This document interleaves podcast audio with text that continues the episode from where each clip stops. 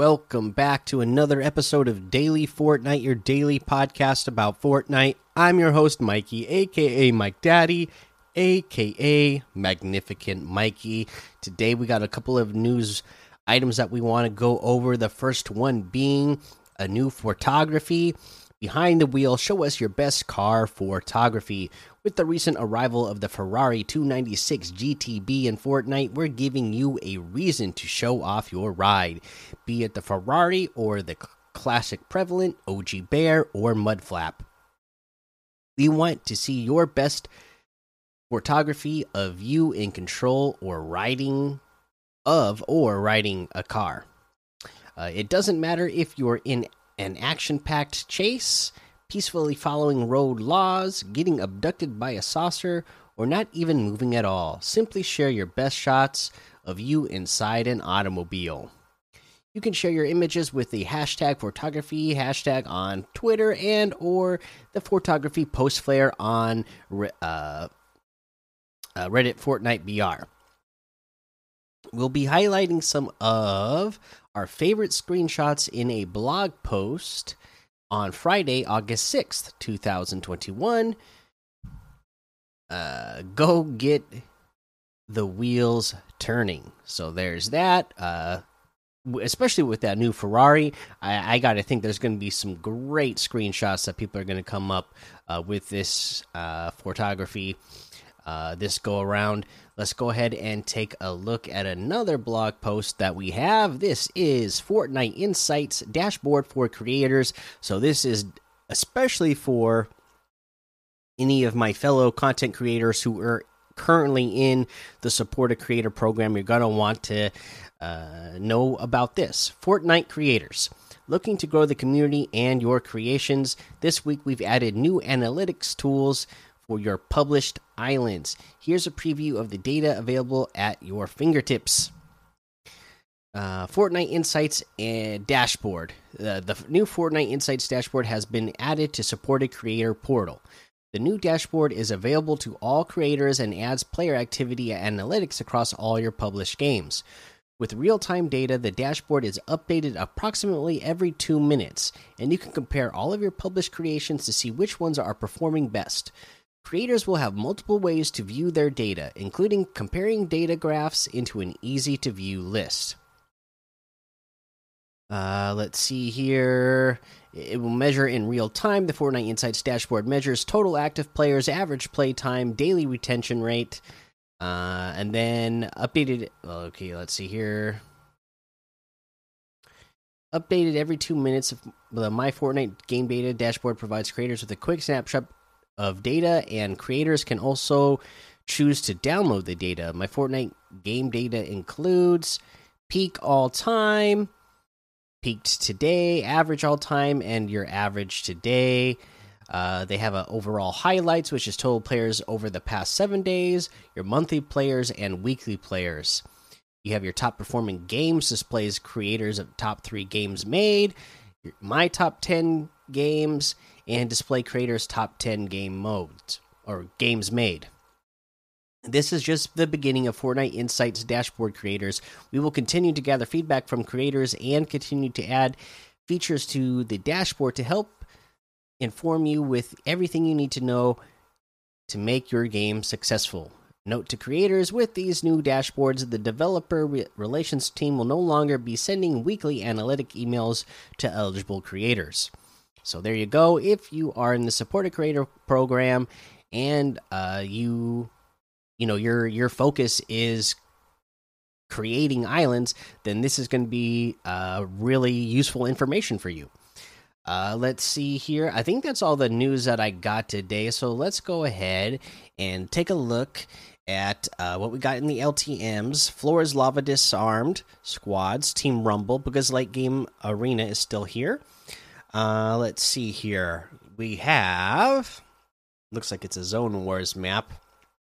Simple Trio Zone Wars. Uh, we have Outlaws Haven, Rockets versus Cars.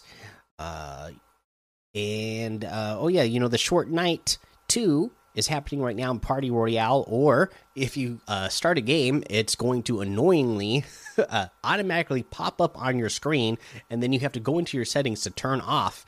You know, they talked about how the Short Nite you would be able to watch it while you were playing uh, in a normal in any game mode. You know, uh, you would have that uh, available to you if you wanted to, uh, but you they made it annoying by having it automatically come up when you start a match in any game mode right now. You're automatically going to have this Short Nite two uh, stream come up in the bottom left corner of your screen, and it's going to start, and it's going to let you know, hey, if you want to not watch this, by the way, you can go into settings and turn it off. Well, it's kind of annoying if it happens when you're in the middle of a match or you're in the middle of trying to jump off the bus, like I was when it happened and it just starts playing and uh, you got this big thing taking up the lower left corner of your screen and now you have to go into settings and uh, uh, turn it off. Uh, but yeah uh, just be aware of that. Uh, Short Nite 2 is going on which is going to be really cool because there's a lot of great shorts going on in there right now. But you if you don't want it playing on your on your game feed there is a setting in settings that you have to go into. And it seems like it doesn't like i said it doesn't pop up until you actually start a game so that's kind of annoying. Battle lab is here as well of course. All right let's talk about our challenge tips. Of course uh we like we mentioned we got the ferrari challenges going on so you got to reach 88 miles uh per hour or you got to reach i think it's just 88 right? So let's go over all of these. Just hit the boost on your uh on your uh, Ferrari, and you'll you'll hit the speed, and you'll get that challenge done. Uh, now, like I said, I saw Dusky said he hit at 117 today. I saw a clip of Nick A30 hitting 117, so that seems like that's the highest that this Ferrari will go. But it it it really zooms. Uh, for our other uh, challenges with the Ferrari, you need to drive the whiplash or the Ferrari through the storm. Obviously, just let it go over you and then drive through the storm and then complete the Ferrari time trials. Okay, there's three different locations that you can go to get the time trials. Uh, if you go west of Weeping Woods, where the Wood Lodge is, there's one starts there. On the south end of Weeping Woods, where the gas station is between Weeping Woods and Slurpy Swamp, one starts there. And uh, there's one that starts in Lazy Lake as well. Now, if you go to, uh, in my experience so far, if you go to Holly Hatchery, west of Holly Hatchery, is there is a garage at the gas station. So far, I have found that there's a Ferrari here that has spawned every time. I I don't have any confirmation that's 100% of the time, but 100% of the time that I've gone to this garage, uh, to get a Ferrari, there has been a Ferrari at this garage that's west of Holly Hatchery. And uh, I didn't do this challenge myself yet, but I was playing on my son's Switch yesterday while I was outside grilling dinner. And uh, I got to say, the time trial is pretty easy. I, I started the one that is uh, by the Wood Lodge. And uh, you know you're just going to end up following the road east and you just keep following the road and i think it ended it ends up all the way uh, past hydro 16 if i remember right but you you get there so fast. So just make sure you have some gas in the vehicle. That's all of the ferrari challenges so uh it's pretty easy but it's it's really fun so make sure you get in there and uh, and drive that thing around let's see here. Let's head on over to the item shop and see what we have in the item shop today. Uh, looks like we have uh Rainbow Royale section still here. LeBron James, Snake Eyes, Booga, and the racing gear. Ferrari stuff is still here. The Short Nite items, of course, are here.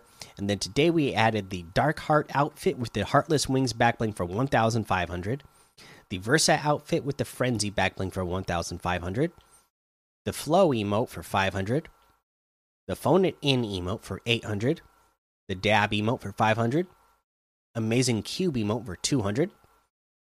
Um, we got the Tempest outfit with the Lightning Cloak backbling for 2000, Bolt outfit for 800, the Storm Bolt harvesting tool for 1200, Storm Eye Glider for 1200, Turbulent Wrap for 500, Cuddle Team Leader outfit with the Cuddle Bow backbling for 2000, Cuddle Cruiser Glider for 800, Cuddle Paw Harvesting Tool for 800, Cuddle Camo Wrap for 300, Bear Force 1 Glider for 1500. Um we got the Zone Wars bundle. Okay, so this has the Danger Zone outfit, the Hot Zone outfit, and the Starcrest Flux backbling for 1600. Uh, you also can get the Hyper Edge harvesting tool for 800. The Bush Ranger outfit with the Buzzy Bag backbling is 1200. The Honey Hitters harvesting tool is 800. Wanna See Me emote is 500. The Guff outfit with the Fluffle Bag backbling is 1200. The Regal Floof harvesting tool is 800. Victoria Saint outfit with the Slayer's saddlebag backbling is 1200. The Stake and Stalker harvesting tool is 500. And that looks like everything today. So you can get any and all of these items using code Mikey, M M M I K I E, in the item shop. And some of the proceeds will go to help support the show. Uh, let's see here. Let's talk about our tip of the day. You know, again, we've been playing that uh, Booga Zone Wars uh, LTM, you know, the Booga's late game arena trios. A uh, lot of fun. Now, again, the the loadout that you get in there is different. Some of the items that you get are not, you know, it's not specific to this season. There's items that have been vaulted. For instance, Rift Goes are in this mode, and they are really great. Okay, but you want to make sure with your trio that you're you are using the timing right. Again, like I said, you want to land on the edge of the zone in this game mode when you when you first start out. Try to land on the edge of the zone, whatever, and land on the edge, whichever side of the zone has the highest natural height. Land at that edge. Uh, and the reason why you're wanting to land at the edge as well is because when the next circle starts, you're hoping that you're already going to be in that next circle and you don't have to travel. But if you have to travel uh, and your team ends up having a rift to go, make sure you hit that rift to go timing right. You don't want to hit it too soon. You don't want to be like in the in you know in the center of the eye of the storm and hit it because then you're just putting yourself out there for uh you know easy pickings while you're up in the air. You want to wait to the very last pop possible second right before that storm hits you that's when you want to pop that rift to go. That way you'll end up in the sky uh, and you'll start diving down. But, you know, that way you don't take the storm damage. But you don't want to do it when you're super far into the circle because then it makes it so much easier for the enemy players to look up in the sky and shoot you because they're not worried about, oh, the storm is right on my back if you do it and follow along the with the edge of the storm when all the other players are then being forced to move then they they can't be looking up in the sky and shooting at you at the same time because they have to focus on moving forward and not getting hit by that storm. So make sure you're using the timing right on that rift to go with your team all right, that's the episode for today. Make sure you go join the daily Fortnite Discord and hang out with us. Follow me over on Twitch, Twitter, and YouTube. Head over to Apple Podcasts, leave a five star rating and a written review for a shout out on the show. Make sure you subscribe so you don't miss an episode. And until next time, have fun, be safe, and don't get lost in the storm.